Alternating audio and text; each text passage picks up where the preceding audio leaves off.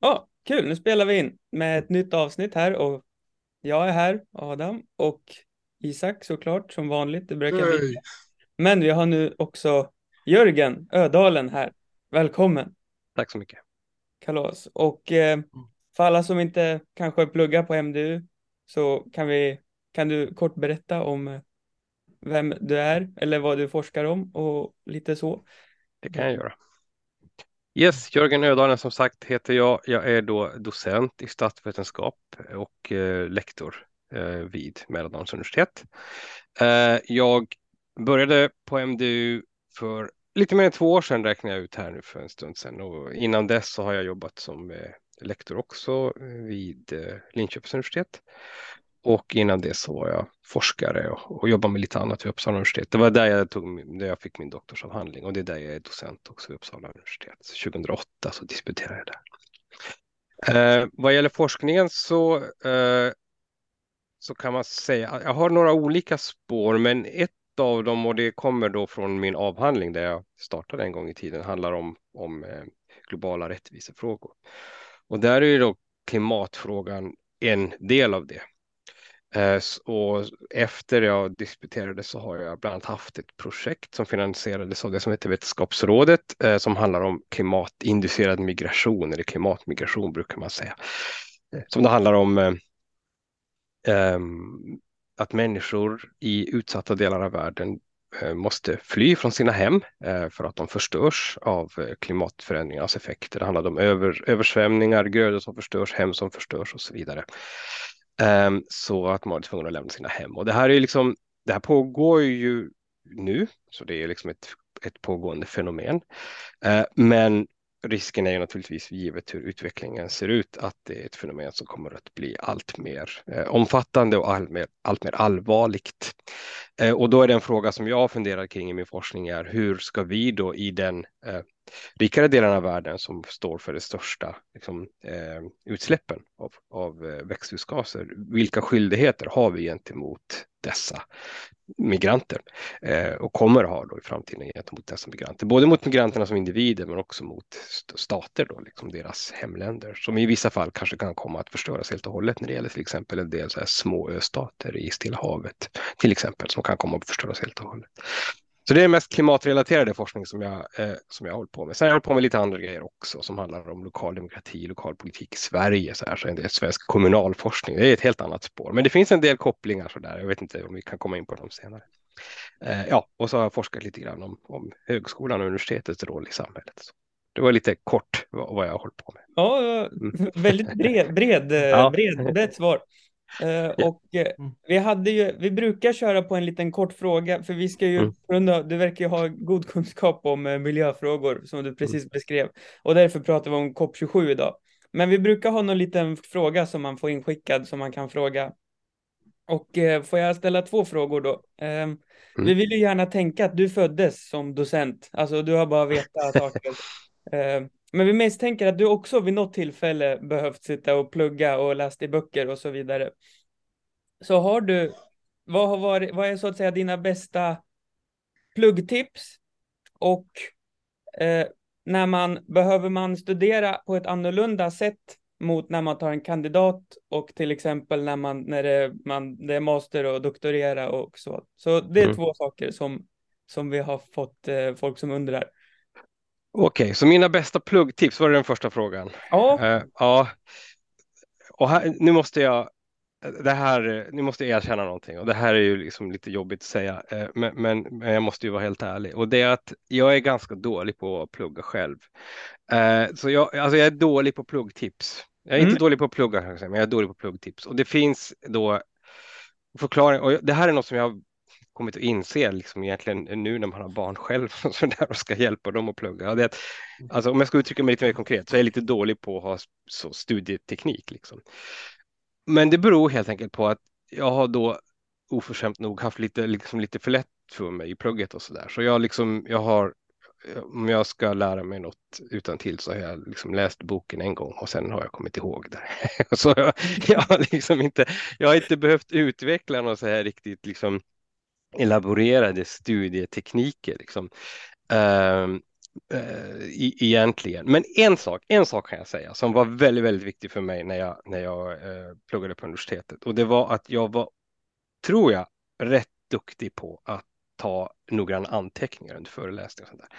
Jag skrev eh, ganska intensivt, men inte så att jag skrev ner allt, precis allt som föreläsaren sa, utan man var bra på att punkta upp liksom de centrala sakerna. Så, så sen, och sen läste jag boken och sen behövde jag inte läsa boken liksom fler gånger, utan då hade jag liksom det i huvudet och sen gick jag igenom mina anteckningar där jag verkligen hade skrivit ner det absolut viktigaste. Så ska jag ge något pluggtips, noggranna anteckningar. Och noggranna anteckningar betyder inte att man ska skriva ner precis allting som föreläsaren säger, för då kan man bli distraherad liksom, och inte hinna med att lyssna, utan liksom försök punkta upp det mest centrala. Liksom. Där får man ju hjälp av föreläsaren. Liksom, eh, vad, det, vad står på powerpoint och sådana saker. Den får man ju ofta i efterhand och så, eller kanske ibland i förväg. Liksom. Så anteckningar, noggranna anteckningar. Liksom. Och... Det, det, var i alla fall för mig viktigt.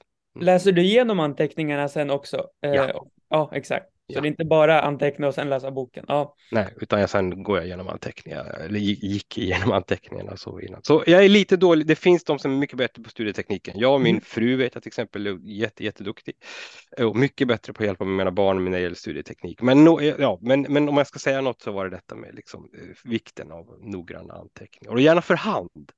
För mm. hand det finns en hel del forskning som visar på att mm. om man skriver för hand så lär man sig faktiskt bättre än om man sitter och skriver på dator. Exakt. Mm. Det, jag och Isak är väldigt duktiga på det. Om vi mm. får yep. Du skriver mycket finare än mig, ska, ja. är den enda skillnaden. Jag är lite av en reservoarpennenörd, så det blir... Ja.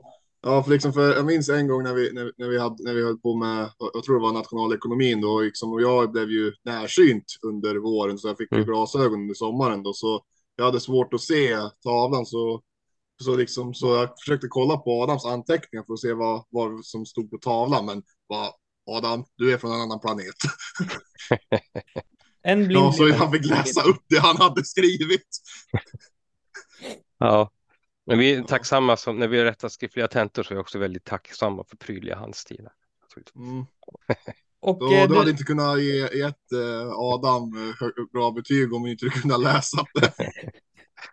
Men ja, och du, du har alltså, använt den här tekniken genom hela din studietid då? Det kan man säga. Jag har liksom aldrig utvecklat det mycket mer eftersom jag haft då tyvärr, eller tyvärr, men för min egen del har det naturligtvis varit bra. Men man är liksom lite dålig på att ge tips då så här att om man har haft det lite för lätt för sig stundtals. Um, så något mer än elaborerat än så att jag tar noggranna anteckningar och repeterar anteckningar för mig själv och skriver för hand återigen som jag tycker är viktigt så, så har jag inte mm. så, så mycket mer att komma med. Men det var en till fråga som handlar om ska man plugga på ett annorlunda sätt eller ska man tänka annorlunda sen när det gäller när, eh, på masternivå eller masteruppsats och så, eller hur? Mm. Och där, eh, där, där har jag nog kanske lite mer konkreta tips och, och det handlar liksom om att man eh, när man når den liksom, högre nivåer, kandidatnivå eller avancerad nivå så, så där, där handlar det väldigt mycket om att ta vara på sina egna idéer. Liksom. Att där måste man nog börja, då är det dags liksom att börja tänka liksom mer kreativt. Om man tidigare under sina studier kanske har gått ut väldigt mycket på, liksom, ja, jag vill förstå det som vi lär oss. Liksom. Jag förstår det eh, läraren säger och förstår det som står i böcker böckerna. Så man är mycket inriktad på att begripa. Så är det nog dags liksom, när man börjar komma upp lite högre, när det börjar bli dags på högre nivåer, börjar det dags att skriva uppsats och så, att släppa loss den egna kreativiteten eh, i, hög grad. Liksom. Försöka liksom, testa lite vilda idéer, liksom. försöka komma på, om man ska då hitta på ett, ett, eh, ett uppsatsämne och sånt där, så ta ut svängarna liksom. Det är, istället för att liksom hålla, sig till hålla sig fast vid det trygga liksom, och bara titta på vad andra skrivit om och så där och försöka kopiera inom citationstecken mer eller mindre det, det, format som, som, som andra har använt. Då, så testa liksom, testa eh, vingarna liksom, och mm. och eh, försök ställa lite knasiga frågor så får man ju hjälp av sin handledare liksom naturligtvis att, att formulera en, en undersökningsbar fråga för det är också viktigt. Men, men testa gärna de lite tokiga idéerna ni har och, och, och, ta ut svängarna så att säga när, när, man, ska, när man kommer upp på de, de nivåerna. Det är viktigt. Mm, mm. ja, det känns ju, ja, exakt. För om man gör det för tidigt, då kanske det bara blir massa killgissningar eller vad man ska säga. Ja, ehm. den risken finns kanske. Ja. Men ja, du, det känns som att eh, vi kan prata om det här en timme till, men det kanske går att... Men ja, det, det, är nog väldigt bra. Det för, hoppas att de som frågar blir nöjda, tänkte jag säga. Ja. Um, för ja, det känns som att du kan en hel del. Uh, det var jag har velat ta upp det här med dig jättelänge. Eh, det var, i, det var politisk teori när vi pratade om eudaimonia, tror jag. Mm. Och du hade en bild på den här det var någon glädjehormon tror jag eller något sånt som gick på en sträng så här och du började förklara den med väldigt svåra ord och jag tänkte vet du allting? Det var, alltså, har du bara intresse för det eller är det common knowledge när man är docent?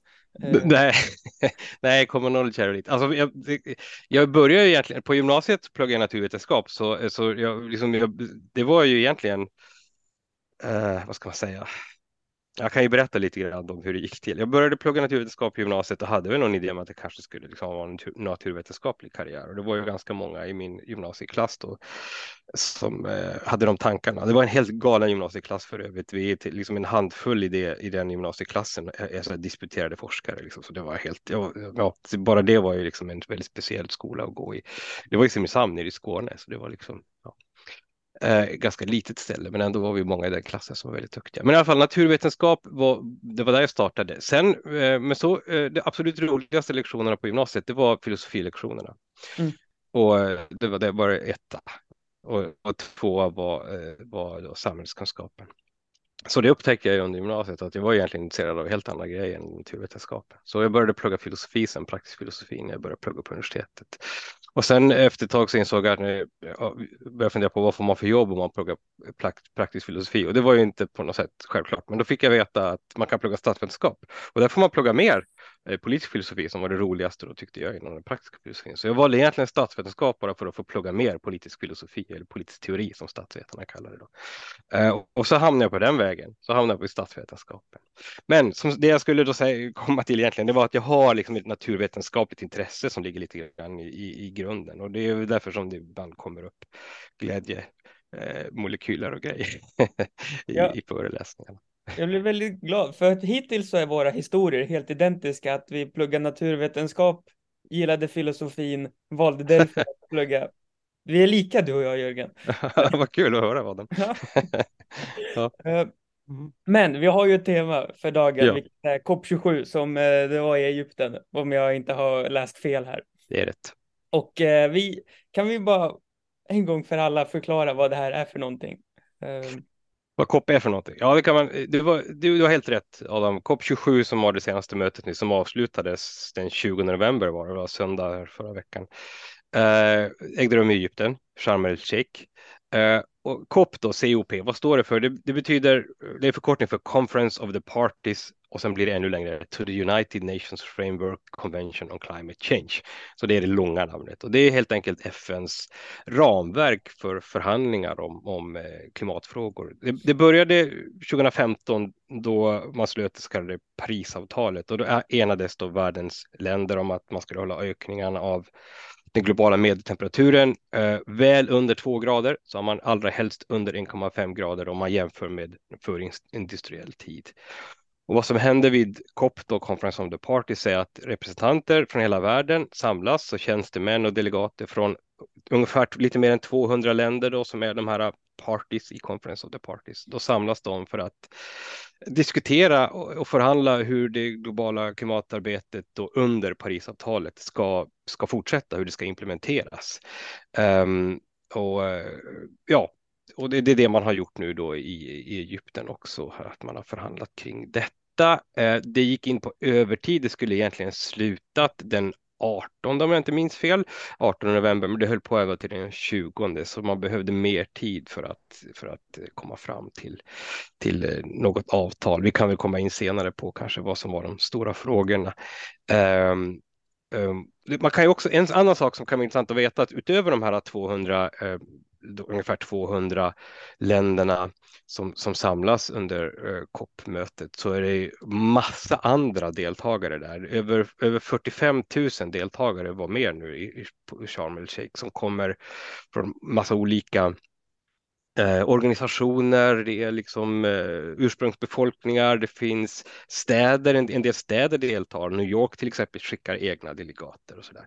Och en del kommuner skickar delegater, forskare finns där, det finns massa ungdomsorganisationer, massa eh, NGOs, alltså icke-statliga organisationer och sådär som, som är där liksom och diskuterar, eh, diskuterar klimatfrågor och, och, och protesterar och, och, har paneler av olika slag. Och sådär. Eh, men det centrala är ju de här då, förhandlingarna mellan, mellan mellan eh, Conference of the Parties, de länder som ingår. Hur ska vi, hur ska vi göra nu? Vad är nästa steg för att implementera eh, de åtaganden vi tagit på oss inom ramen för Parisavtalet? Jag kan ju flika in det lite med att du sa att det drog ut på tiden, att det, det vart en sån här så kallad nattmangling. Man förhandlade mm. liksom sent på natten, tog två, en tupplur på bara någon timme bara för att fortsätta och det tog ju slut till natten mot söndag. Så det, var nog lite tufft. Precis så.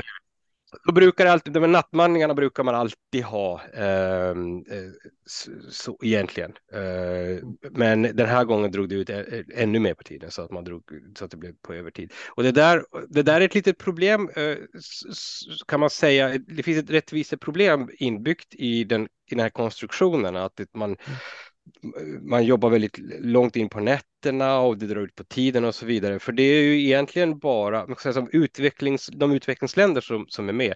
De har ju ofta inte råd att skicka så många delegater utan de skickar kanske bara mm. några få delegater. Eh, och i det här fallet blev det så att en del utvecklingsländer var tvungna att åka hem redan då, den 18 sista dagen för att de hade inte råd att boka om sina flygbiljetter och så där. Så mm. det finns ju liksom en rättviseproblematik inbyggd i hur det här fungerar också. Det att eh, fattigare länder har, kan inte delta riktigt på samma villkor för de har, mm. kan inte skicka så många delegater och de kan inte, de kan inte dra ut lika mycket på tiden för de är tvungna att åka hem och så där. Ja, det... Någonting jag tänkte på där var liksom att liksom är fattigare länder, du sa att de inte hade råd att bo kvar. Jag tänker liksom, kan, liksom hur är deras kompetens eller ja, erfarenhet i sådana här förhandlingar i till skillnad från rikare länder? De kanske inte är lika vassa som de rikare länder.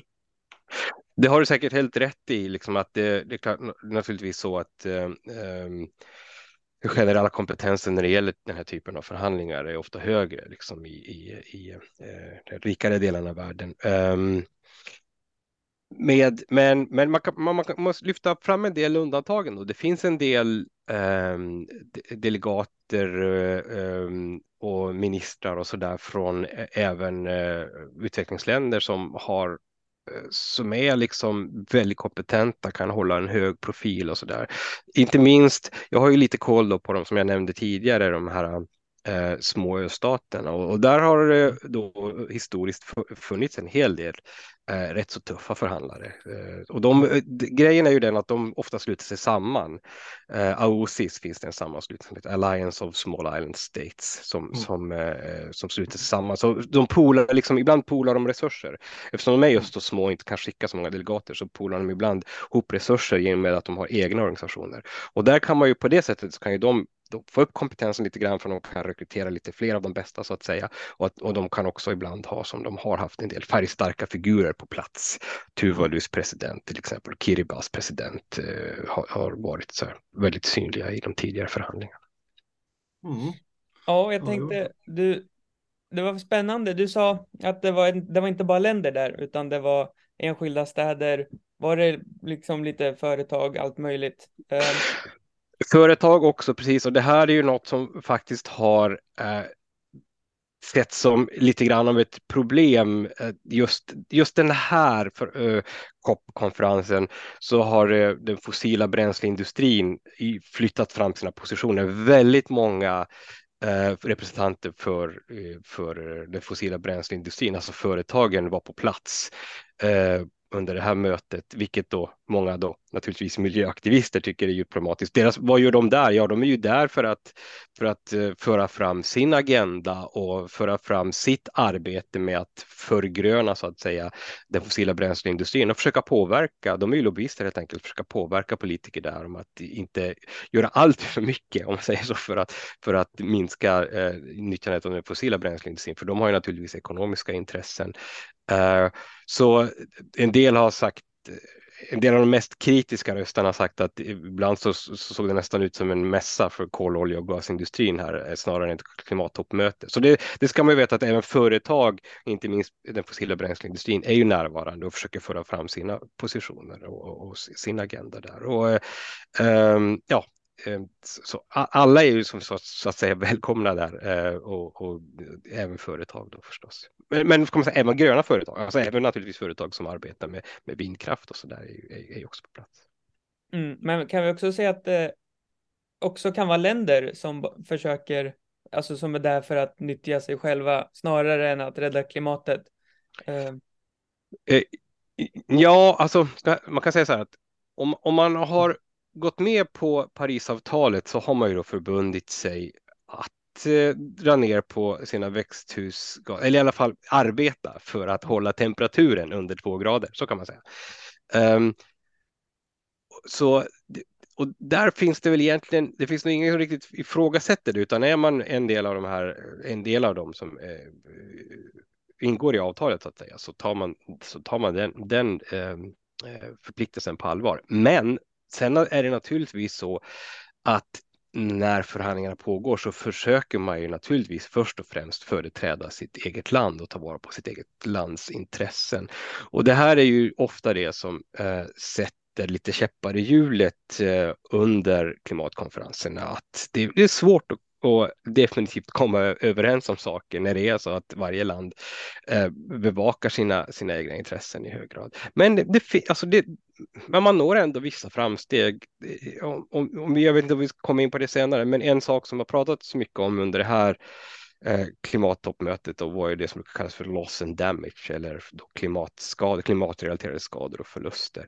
Och där eh, om vi ska bara ta ett exempel så har ju USA under flera decennier motsatt sig eh, att, vi skulle, att man skulle skapa en sån fond som det då konkret handlar om.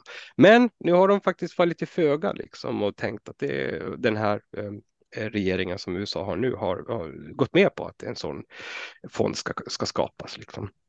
Så, menar, det är klart att länder bevakar sina egna intressen, men de finns ändå liksom ett, att man tar de här förpliktelserna på allvar och, och, att det kan ske vissa framsteg, även om många då klimataktivister och så tycker att det går väldigt långsamt och att förpliktelserna är för svaga och så där. Så det är klart att man kan föra fram den kritiken också. Mm. Så eh, skulle du säga något Isak? Nej.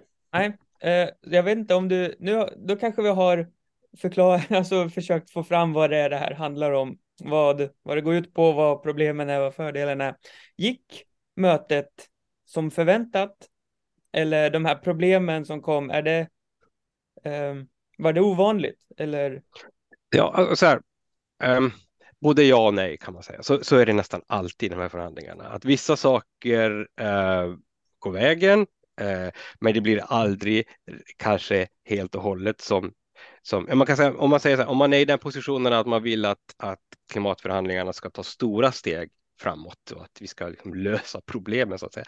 Ja, om man har den inställningen, då kommer man alltid att bli besviken. För, för det, så, det, så det är liksom pyttesteg varje gång så att säga.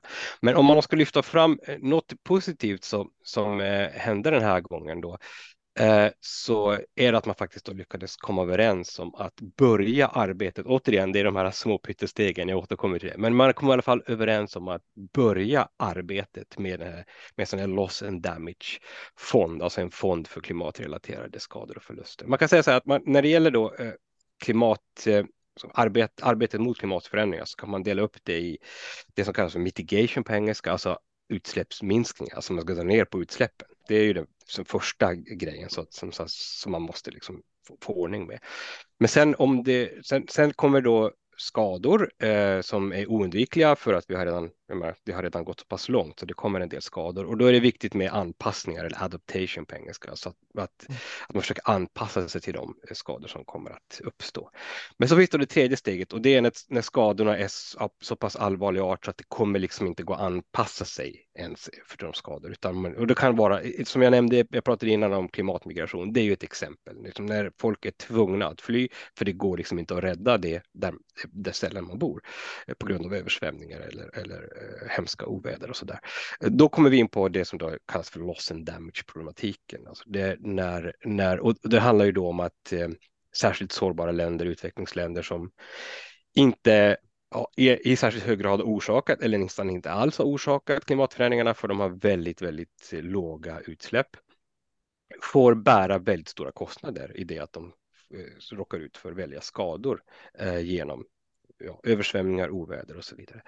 Eh, och, och de har ju då många då av de här särskilt eh, sårbara länderna har länge kämpat för, för någon sorts kompensationsmekanism. Och loss and damage är just den här kompensationsmekanismen. Så hur ska vi lösa det här? Om, det, om vi råkar ut för eh, eh, skador som inte går att åtgärda, vi kan inte anpassa oss, så måste vi kompenseras för det på något vis.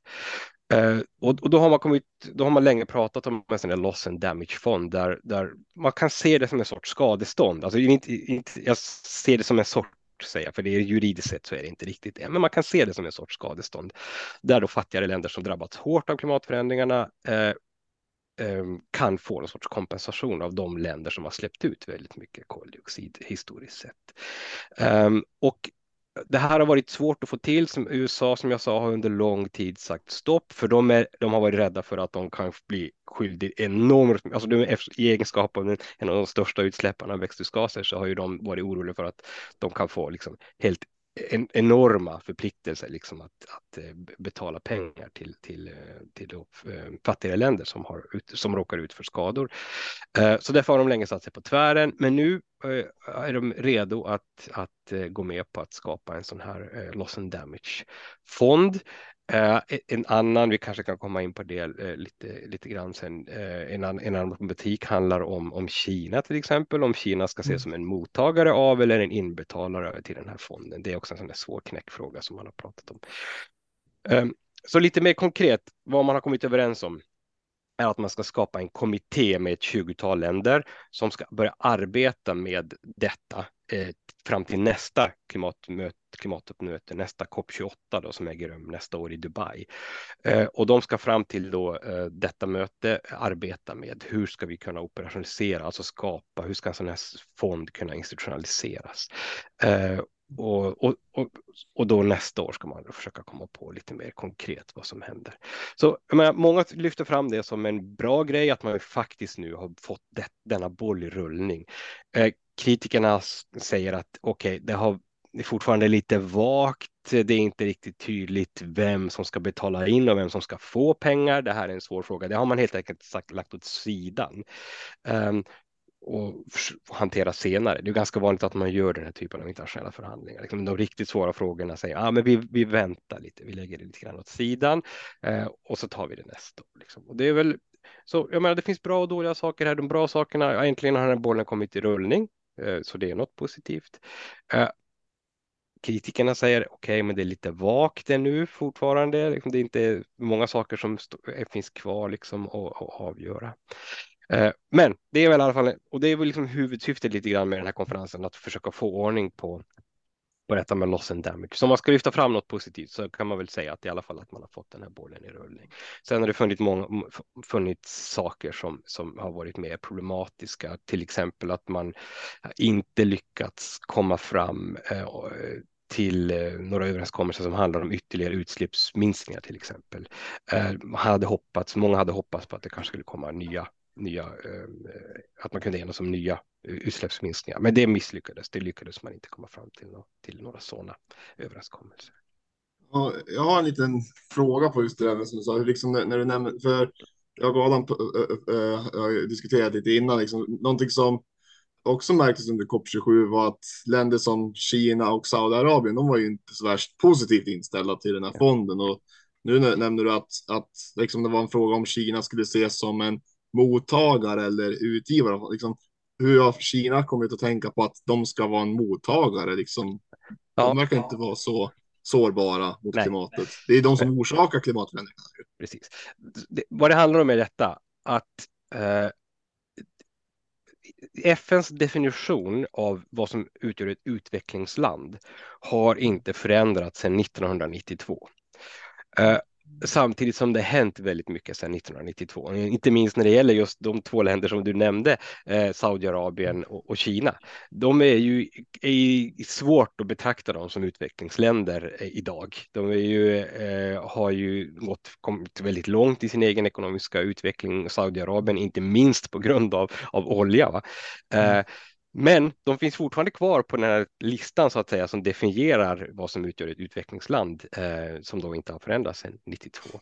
Och, och, och, det här ställer till lite problem för då, då vill ju då EU till exempel har drivit hårt att vi kan inte, när vi formulerar eh, då hur den här loss and damage-fonden ska, ska se ut, så kan vi inte säga att, att mottagare av pengarna ska vara eh, utvecklingsländer, för då blir det en alldeles för vid definition, utan snarare har EU och andra aktörer eh, velat att, att vi måste definiera det som så att det handlar om särskilt sårbara länder. Och det här är då knäckfrågan, för det här vill ju till exempel inte Kina och, och Saudiarabien gå med med på. För, för problemet blir då att då kommer de att få betala en massa pengar. Mm. Um, och det vill de inte så gärna göra. Kina säger till exempel uttryckligen att, att vi har inga förpliktelser eh, gentemot fattigare länder här, utan vi, vi, är inte, vi kommer inte att betala in. Um, sen är de då lite vagare när det gäller eh, om, om de ska vara mottagare. Där har de liksom inte riktigt sagt något definitivt. Vad de har sagt är att vi, vi, vi ställer nu upp på loss and damage så som det är formulerat hittills. Som sagt väldigt vagt som inte pekar ut huruvida Kina ska vara mottagare eller inbetalare. Men vi, så de har gått med på, på det nuvarande avtalet då, som det som kom ut ur den här konferensen. Och sen har de också sagt att ja, vi är naturligtvis beredda och vi hjälper redan utvecklingsländer med finansiering och så vidare. Så de menar att de redan gör en del, eh, men som sagt, men säger också uttryckligen att de inte anser sig ha några förpliktelser att betala in i en loss and damage fond i nuläget i alla fall. Mm. Ja, och så jag, kan, jag tänker också på Saudiarabien, liksom som, som, du, som du själv säger, de är ju helt, hela deras ekonomi går ju runt deras oljeexport och liksom, och för liksom om, om det blir om att, att F, alla de här klimatmötena inom FN är att man ska sträva till att bli en mer fossilfri värld, då kommer ju hela deras ekonomi kommer ju kollapsa mm. om, om det skulle hända och liksom och, och för de har ingen annan större inkomstkälla för för liksom, de är ju inte så värst, eh, inte så värst kända för att ha, ta in turister som typ Dubai i, i UEA till exempel. För, för liksom, och så är de ju inte så värst, så värst toleranta till att ha, ta in turister överlag. Det inte så, det, det, jag kollade på en video som handlade om just Saudiarabiens ekonomi är lite dömd om de inte mm. löser det snabbt. Mm. Så är det ju, men samtidigt kan vi minnas att, att, att, vi skulle, att det skulle stå någonstans i en sån här eh, eh för, fördragstext efter, efter de här förhandlingarna att vi skulle sträva mot en fossilfri värld. Det, det finns ju inte ens på kartan. Alltså det, det, det, skulle aldrig hända att det skulle stå Nej. något sånt. Så, men det behöver Saudiarabien knappast vara oroliga för. Men vad de, de behöver, det, när vi pratar om loss and damage så vill de i alla fall bevaka sina intressen så att de inte liksom riskerar att bli en inbetalare i denna typ av fond. Och det här, och, och, och, som jag sa då, eh, det här är då en fråga, vilka som ska bli inbetalare och vilka som ska få ta del av pengarna, det är en fråga som man har valt att skjuta nu på framtiden. Um, så man har bara man har tillsatt en kommitté och börjat arbeta med dessa frågor och så får vi se var, var vi hamnar om ett år. Jag tror att det kommer bli väldigt, väldigt svårt att lösa de här frågorna ett år från nu, men, men vi får väl se. Bollen är i alla fall i rullning som sagt. Mm. Mm. Ja, men jag, vet, jag är ingen expert på det här, men det, det, här kan väl inte vara världshistoriens första miljöfond? Eh, vad, är det, vad är det som gör den här annorlunda från eh, de andra? Ja, att, vad ska man säga, eh, du har ju helt rätt. Det finns ju massor av sådana här fonder och det finns ju eh, en fond som som eh, ehm, den rikare delar av världen har liksom lovat att man ska betala in eh, jättemycket pengar i varje år. Eh, hur mycket är det nu? Det är 100 miljarder dollar per år som man har lovat att betala in till 2020. Eh, och, ett, och man ska då, jag ska komma tillbaka till din fråga, men ett bekymmer som man ser även med den här nya fonden är att ehm, Eh, att den rikare delar av världen har misslyckats med, med detta. Liksom man, det, det är, man, det är ungefär 10 miljarder dollar per år som man då går back så att säga, som man inte betalat in fast man har lovat att göra det. Och det här är något som många kritiker, Kina har också lyft fram detta, liksom, titta vad dåligt det går, ska vi verkligen eh, kunna lita på en sån här loss and damage fond när det redan går så dåligt med att betala in i de fonder som vi faktiskt redan har. Så det är en kritik som har lyfts fram eh, och, och säga, det för, hoppet till en loss and damage fonden från vissa är inte så jättehögt eftersom det redan liksom, vi faller redan kort när det gäller att betala in i de redan befintliga fonderna. Eh, men om man ska säga vad är skillnaden mellan, mellan denna fond och de tidigare fonderna? Ja, de tidigare fonderna handlar väldigt mycket om att stärka kapacitet hos, eh, hos utsatta länder, hos utvecklingsländer, stärka teknologi, Uh, och varit väldigt mycket fokuserad just på anpassning på ad, adaptation funds som den kallas för. Liksom. Eh, Medan den här handlar just mer om att eh, lösa då, eh, akuta skador så att säga. Och, och, och, man kan säga just det att det liknar väldigt hög grad en sorts skadestånd är centralt. Liksom. För här, det in, i det här så ingår ju ändå sorts erkännande från de, eh, de stater som släppt ut mest växthusgaser eh, historiskt sett. Ett erkännande om att eh, de länder, de särskilt sårbara länder som får hantera konsekvenserna av klimatförändringarna har rätt till någon sorts kompensation det är väl liksom den centrala skillnaden mellan de tidigare. Alltså tidigare handlade det om att, handlat om att stärka kapacitet och se till att då utvecklingsländer själva kan klara av att hantera. Nu handlar det mer om kompensation för orsakade skador. Liksom. Så det är, det är den centrala skillnaden mm. mellan, mellan denna fond och de tidigare. Och mm. det har väl varit, så som jag har förstått det, så har det varit, de, det finns ju länder som är mer utsatta än andra för klimatförändringar. Och de har varit väldigt tunga på det här, vi måste lösa det här, annars kommer vi gå under. Och så har vi, som jag, alltså många i Europa och så, men det är krig nu och det är mm. elkriser och vi har inte tid att planera det här. Jag känner, alltså en, en, om man följer politik så tycker jag ofta att det känns som att när man lyfter frågor så hör man, ah, vi kan inte prata om det här för det är corona, eller vi kan inte prata om det här för det är krig, eller vi kan inte prata om det här för det är regeringskris. Eh, finns, är det bara så att länder inte bryr sig så mycket? Eller, alltså, eller stämmer det att om det inte hade varit krig så hade vi kommit fram till något större eh, på klimatmötet?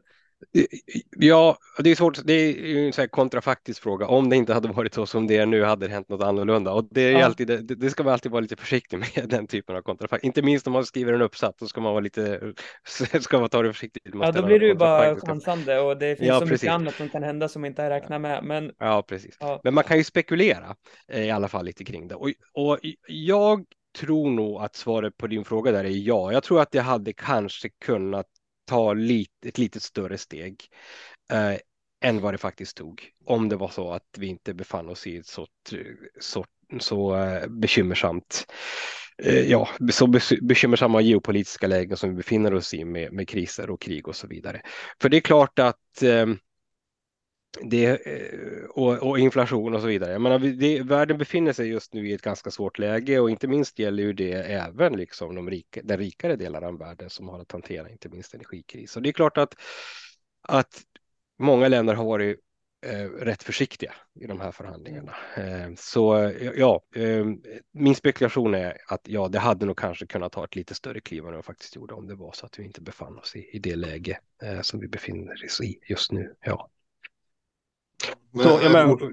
ja, förlåt. Ja, jag är fortfarande lite skeptisk på det där också, för även om det inte, för liksom nu bara fantiserar jag lite grann, mm. men liksom nu, vi är ju inne på det spåret ändå, för, liksom för även om det hade inte varit krig i Europa med, med tanke på med kriget mellan Ryssland och, och Ukraina, det, det stoppar fortfarande, man kommer ändå inte runt problemet att auktoritära länder har, liksom, har ju betydligt mindre entusiasm för att, för att ta, ta, ta, ta tag i klimatfrågor till skillnad från demokratiska länder.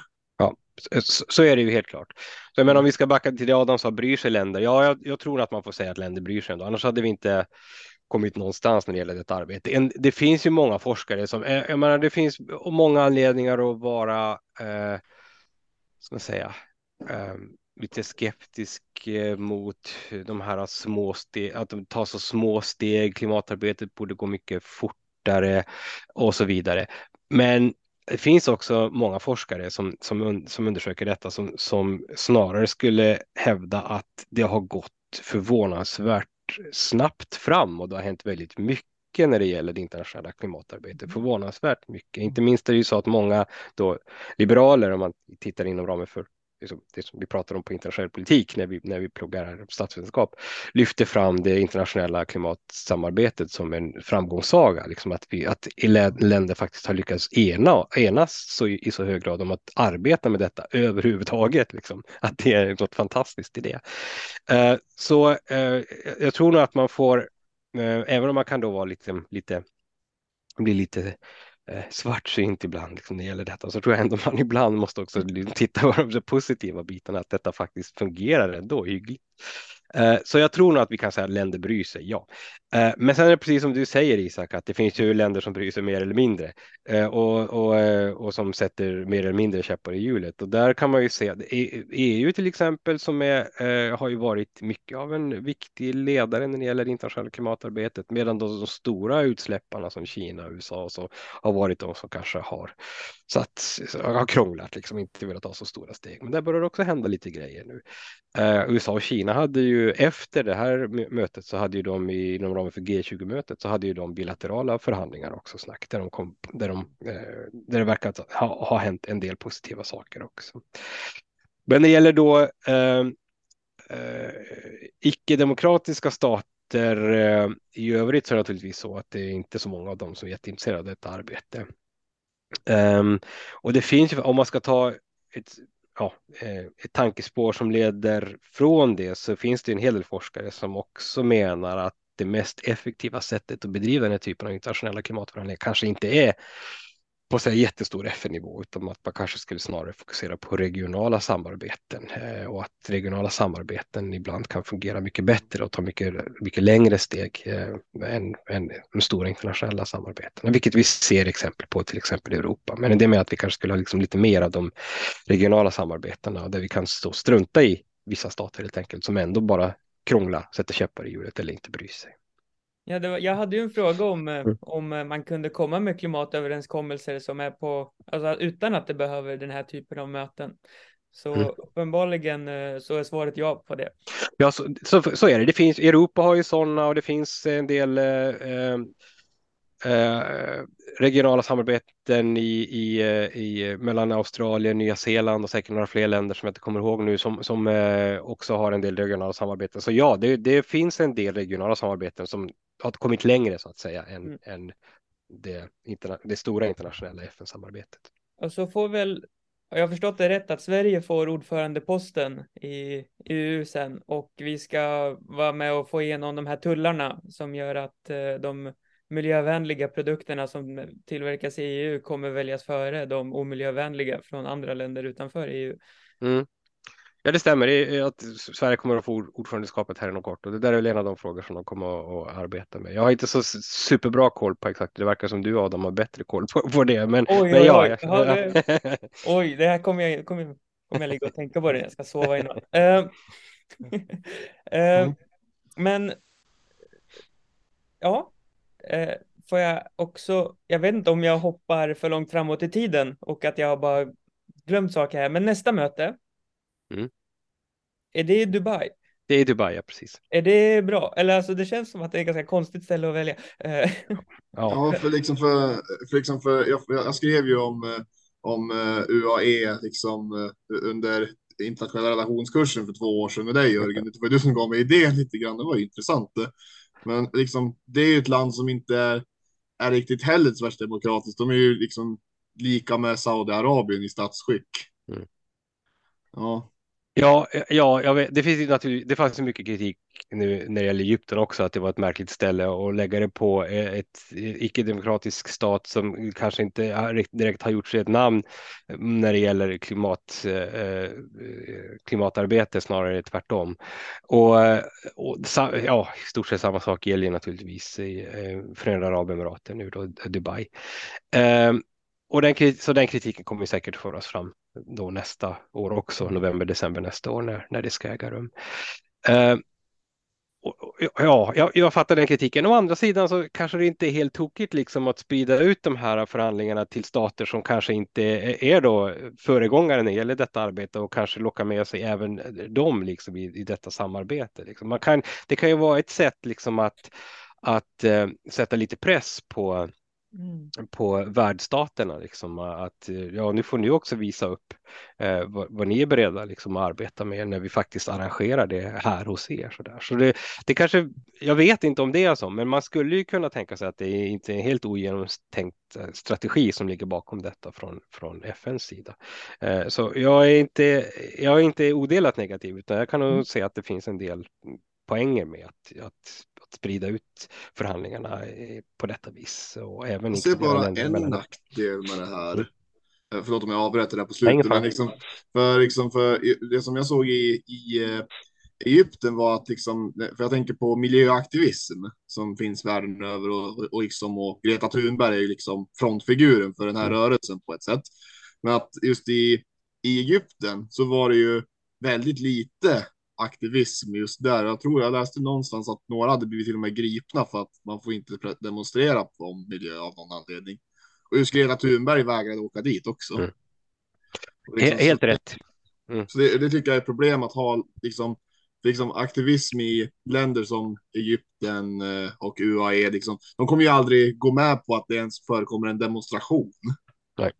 nej, nej, jag håller med dig helt och hållet Isak. Det, det är ett bekymmer i den här typen av stater. Och det, att, det är klart, aktivister finns ju på plats, det var aktivister på plats och man kan ju ha sina små eh, paneler och så där och föra diskussioner och så. Men de, vad ska man säga, de mer de här stora gatuprotesterna med mängder av ungdomar och så där, de kommer vi inte att se eh, under den här, under, för, och såg vi inte liksom nu i Egypten och en del vill inte ens åka och så. Eh, och det, det, kan ju komma att bli så i Dubai också. Nu liksom, du, UAE är inte riktigt lika repressivt som Egypten, men, men, men det är naturligtvis inte, eh, det är ju eh, en, ett icke-demokratiskt land och så där, så, så det är klart. Och, så vi får väl se. Eh, det finns väl en risk att det kommer att bli på samma sätt i Dubai också, att vi inte kommer att se de här eh, riktigt stora protesterna så där. Eh, på gott och ont, liksom det, eh, ska man säga, vi kan föra en, men det är en annan diskussion som vi kanske ska ta någon annan gång mm. när det gäller hur effektiva den, detta typ av, av, av, av eh, klimatarbete är när det gäller de stora protesterna. Men, men eh, kan ha viktiga symboliska effekter naturligtvis och om de inte då får genomföras så är det klart att det är om inte annat ett liksom, yttrandefrihetsproblem förstås som, som blir tydligt liksom i dessa stater. Hur så, jag kommer inte ihåg, hur såg det ut i Glasgow? Var det jättemassor med sånt? För där är det ganska lätt att demonstrera om man jämför. Ehm. Ja, jag har inte järnkoll på exakt, men jag vet att det förekom en del, eh, en del den typen av, av eh, miljöaktivism också i Glasgow. Men jag, jag kommer inte ihåg riktigt hur mm. stort det var, hur många det var. Så Nej, inte jag heller. Eh, ja, du har sagt väldigt ofta, vi kommer in på det här senare, vi kommer ja. in på det här senare. Jag har försökt ta det i huvudet, men ja. det har gått åt pipan kan jag säga. Så då kan jag bara säga att jag har riktigt två förberedda frågor kvar. Ja. Ja. Och det är något som jag inte tycker att vi riktigt har pratat om, som ändå är en ganska big deal. Ja. Okej, nu kom jag på att jag har fler. Hur påverkar det här Sverige? Hur påverkar det oss? Eh, mer precis. Uh, uh, för det första kan jag säga Adam, de här gångerna jag har sagt att jag tror vi kommer in på detta senare, jag tror jag faktiskt jag lyckas fånga upp de sakerna i mitt, när, jag har, när jag har babblat på här. Så. Hur påverkar det Sverige? Ja, alltså inte, man säga, återigen, utkomsten av denna klimatförhandling var eh, inte så konkret, utan det handlade väldigt mycket om att okej, okay, vi ska börja med det, detta loss and damage. Det kommer att bli mer konkretiserat om ett år. Det kommer inte några nya överenskommelser som handlar om utsläppsminskningar och så där. Så rent konkret så, så är det inte så mycket som påverkar någon överhuvudtaget riktigt i detta läge. Okej, okay, det var en del så här eh, eh, vad heter det, pledges, alltså en del, eh, Eh, att man, ah, en del inbetalningar till fonder och så där som, som man ökade på summorna lite grann. Så visst, en del, en del eh, konkreta grejer som kommer att även eh, ha effekt i Sverige, att vi kommer att skjutsa in lite mer pengar liksom i, i de här adoptionsfonderna och så där. Så, så ja, eh, men, men inte så mycket mer än så egentligen. Sen får vi väl se när det blir dags för de här loss and damage-fonderna och så hur det kommer att påverka Sverige. Lite grann kommer vi väl bet behöva betala in, men antagligen inte så jättemycket, för vi är ju ingen stor utsläppare naturligtvis om man jämför med många av de andra, om man jämför med USA och Kina och så där. Uh, så vi får väl se så småningom hur vi påverkas av detta. Men i nuläget inte särskilt mycket av just denna mm. förhandling. Och det har ju faktiskt så svenska klimatförhandlaren uttryckte ju faktiskt själv lite besvikelse eh, och tyckte att eh, att eh, denna klimatförhandling nu i, i Egypten in, inte var något jättekliv direkt utan hade önskat liksom lite att det hade, skulle ha hänt lite mer. Mm. Eh, och så vill jag också Ah, jag vet inte om jag vill måla upp dig som någon slags allvetande väsen eh, på mm. de här frågorna. Men eh, vi, i alla fall jag, har ju upp, alltså fått min uppfattning av vad som har hänt utifrån media. Eh, är det någonting väldigt viktigt som du upplever att de har missat eller ignorerat eller inte lagt tillräckligt stor tyngd på? Eh, I media? Uh, alltså, ja, ja jag, jag, jag, tror nog att man att media lyckats lyckas fånga upp liksom de centrala förhandlingarna på ett väldigt bra sätt och lyckas sammanfatta um, på ett bra sätt vad, vad de har kommit fram till och inte kommit fram till. Så, så där eh, verkar de lyckas väldigt bra och inte minst om man kikar lite på internationell media också så tycker jag de fångar upp det väldigt bra. Men svenska media också rätt okej okay, mm. med detta.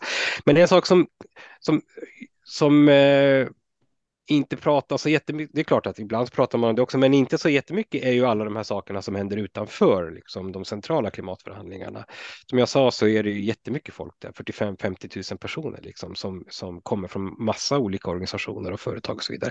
Och det pratas det inte så jättemycket om. Det finns väldigt mycket intressant som händer där, liksom, jättemånga intressanta paneler. Um, och eh, forskare finns ju också där. Liksom. Jag har en del kollegor som, som alltså statsvetare då, som åker till varje konferens och delar ut enkäter. Så där. Eh, jag har några kollegor som forskar om, i Uppsala som forskar om klimatledarskap, vilka uppfattas som, som ledare när det gäller klimatförändringar, vilka, vilka klimatförhandlingarna, vilka länder och så där. Och, och, och, ja. Så det finns en hel del forskning som pågår där också. Jag tror aldrig jag sett något i svensk media om den forskning som pågår där. Um, så det, det finns en del, alltså, ska säga, de som brukar kallas för sidoevents och det som händer runt omkring som, som, in, som inte kommer upp så, så jättemycket. Eh, jag har till exempel, nu kan det hända att jag säger fel bara för att jag inte har lusläst all svensk media, men något som FN själva ville lyfta fram just när det gäller COP27 eh, var att eh, för första gången så fanns det liksom en sorts eh, ungdomslett klimatforum som var en sorts, sorts här, eh, sidoevent. Eh, så eh, nu glömmer jag bort vad han heter, Ste Stefan, vad sjutton heter han? Stefan Stil eller vad heter han som är då FNs, eh, som håller ihop det, liksom deras ja. sekreterare på detta område som, som håller ihop det, Sebastian Stil kanske han heter. Eh, vill lyfta fram då i slutanförandena att det här var var första gången som ungdomar hade fått en så viktig roll under, under klimatmötet. Det är det att de hade fått möjlighet att arrangera detta sidoforum och det var också andra eh, event som Simon Stil hette som, som Simon Stil lyfte fram att, eh, att ungdomar hade fått en viktig plats. Så han själv under, under sitt slutanförande så, så sa han eh, då till medlemsstaterna att lyft, vi ville lyfta vikten för medlemsstaterna att involvera unga Eh, i klimatarbetet. Inte bara liksom, ja, låta dem demonstrera och så där, utan faktiskt ta vara på de lösningar de föreslår och föra in dem i sin, egen, i sin egen liksom, eh, policy making så att säga. Så eh, det var en sån sak som jag tyckte var intressant att FNs då egen sekreterare lyfte fram eh, och som jag inte sett svensk media nämna egentligen. Men eh, ja, en, en, en liten sak som kanske missats. Det är spännande. Eh, vad har du? Har du kvar något Isak? Att säga? Nej, jag, jag, har inte så värst mycket direkt egentligen. Jag hade, jag hade ju bara en. Jag tänkte liksom man skulle gå in på liksom hur, hur det är lokalt till exempel, men det kanske vi inte riktigt har tid med. Ja. Ja, ja, ja men. Ja, sen, då... Men liksom det här var ett, ett ganska intressant att granska alltihop just nu ändå. Mm. Ja. Eh, ja. Då, då, jag brukar vilja avsluta med en jättegigantisk bred fråga som okay. egentligen kommer ta år att svara på, men du får svara kort. och det är hur kom, kommer vi klara att uh, stå emot klimatförändringarna? Um, ja, det var ju en gigantisk fråga. uh, man ska säga så här, det ser ju inte jättebra ut. Om man tittar på, på um, FNs klimatsekretariat här, de här, eh, den här bokstavskombinationen som, som ni säkert har hört flera gånger, UNFCCC, som är då liksom klimatsekretariatet som eh, har ett stort nätverk av, av, av forskare och sådär som, som undersöker liksom hur är läget eh, just nu. Eh, så säger, och de gjorde inför varje då eh, COP-möte, även nu, så, så, gör de en sorts utvärdering. Hur ser, hur ser det ut? Och då säger ju de att vi är fortfarande långt ifrån, alltså åtgärderna som hittills har genomförts är långt ifrån tillräckliga för att begränsa uppvärmningen till en och en halv grad. Då. Um, och, snarare är det så att om vi följer den utveckling som vi följer nu så är vi snarare på väg mot ungefär 2,5 graders uppvärmning före århundradets slut då, jämför med förindustriella siffror. Uh, så, så det ser ju inte särskilt bra ut, kan man ju säga. Uh, så det är, lätt att vara, det är lätt att vara lite dystopisk när det gäller detta och säga att eh, det går för långsamt. Och det, får man ju, då får man ju, det får man ju aktivisterna rätt i helt enkelt, att det går för långsamt. Eh, och att det, det är eh, stundtals svårt att vara hoppfull när man tittar på liksom, effekterna. Att säga. Men återigen så tycker jag att vi ändå ska vara lite positiva till att det här eh, internationella klimatsamarbetet i alla fall verkar fungera. Det är baby steps hela tiden, men det verkar rulla på. Så kommer vi att lyckas eller inte? Ja, det beror på om de här baby stepsen då kanske blir lite längre steps så småningom liksom. Och att stater, att de stater som ingår i de här samarbetena faktiskt börjar ta eh, lite, ta lite, ta sig an lite större åtaganden. Men om det kommer att bli så eller inte, ja, det kan vi bara spekulera i. Det finns ju inte mycket som talar för det just nu, men ja, vi får väl se helt enkelt. Ja, det, Ja, jag kan, också ta, jag kan ta ett, ett, ett avslutande ord där också, för jag tänkte just på det här med när Sverigedemokraterna, eller Jimmy också gjorde ett uttalande och sa att, eh, att det inte fanns tillräckligt med vetenskapliga bevis på att det sker klimatförändringar. Jag tycker hela bunten på Sverigedemokraterna borde ha gått miljökursen som jag gick på förra månaden ja. med den Liksom, ja. Hur mycket forskning behövs? Det där har ju varit tycker, ett ämne i 30 lagt, år snart. De har ju lagt någon tyngd på att man ska arbeta globalt. Jag tycker att nu gör vi väl det. Eller är inte det vi gör här i FN? Ja, det gör vi ju precis. Och jag menar, nej, det behövs ingen mer forskning när det gäller att etablera att, att eh, klimatförändringarna eh, är ett verkligt fenomen och att de är orsakade av, våra växt, av mänsklighetens växthusgasutsläpp. Ja. Det, där behöver vi liksom inget mer forskning eh, för att etablera just detta enkla faktum. Sen finns det fortfarande naturligtvis även inom forskarvärlden en del kontroverser kring, ja, kring de exakta modellerna. Liksom, ja, hur mycket och hur långt, alltså så vidare. Det är klart att även in, inom klimatforskar, de naturvetenskapliga eh, klimatforskarna finns det ju naturligtvis också viss vetenskaplig oenighet som det gör inom alla all eh, forskning, men när det gäller det grundläggande som då eh, att, vi, mm. att klimatförändringarna är, är, är, verkliga och att de är man-made så att säga. Där är väl så 99 procent av klimatforskarna överens. Så nej, vi behöver inte mer forskning om just denna sak. Ja, och även om de insisterar, liksom, det räcker ju bara att titta utanför fönstret just nu, för vi hade ju full vinter här för bara några dagar sedan. Nu håller det på att övergå till höst igen. Vid den här tiden på året normalt i Sverige om man ska komma tillbaka på den gamla goda tiden som, Sverige, som Sverigedemokraterna brukar hänvisa till. Liksom ska, då ska det vara liksom minusgrader och full vinter utanför, men det är det ju inte just nu. Det är ju bara en patetisk vinter. Ja, mm. det är alltid, man vet att man börjar närma sig slutet när man, när man avslutar med rant om, eh, om, om vädret. Om vädret. ja, det brukar bli så. Men vi ska, vi, du bad oss att försöka hålla oss under en timme och nu är ja. klockan två. Ja, så, så är det. Jag tror att vi, du måste brassa käk här. Vad, vad ja, blir det för gott? Eh, jag har faktiskt inte, eh, ja det, det Adam syftar på det var det att jag, när vi, innan vi började sa att eh, jag måste hålla mig till en timme för sen måste jag fixa sen lunch till mina tonåringar som ju sover ganska länge. Ni, om ni tycker 14 är sen lunch så är det normalt på helgen här för jag har tonåringar som, som sover mm. länge. Vad det blir för mat, ja, jag vet inte riktigt. Jag har inte ja. riktigt bestämt mig, men det blir något vegetariskt tror jag. Okay. Då ska vi aldrig ha en matpodd med dig. Eh. Jag brukar bestämma mig när jag kliver in i köket. Så, mm. så får vi uh, Vi hade kanske kunnat prata en timme längre, Säkert. men eh, det, det hade det nog blivit långdraget. Ingen hade orkat lyssna. Uh, vi får ta ett annat vi... snack någon annan gång helt enkelt. Ja, du är alltid välkommen. Uh, vi ska försöka ja, få med Vi har alltid velat gjort det här. Ja. Så det blir jättebra. Men ja. då får vi tacka och hoppas att vi inte missade någon jättestor fläck här från klimatmötet som vi skulle prata om. Och sen så får vi såklart välkomna dig tillbaka så snart Tack så mycket. Jag tror inte vi missade något jätteviktigt. Eh, jag tyckte det var ett jättetrevligt samtal och vi fick med det allra viktigaste. Plus lite Det kändes tid. inte som en timme. Um... Det går fort när man har roligt. Ja, definitivt. Och jag, jag brukar vara bra på att babbla på när jag väl ja, får chans. Det har vi märkt. Tack så mycket Adam. Ja. Hej då allihopa. Hej då allihop. Tack. Hej.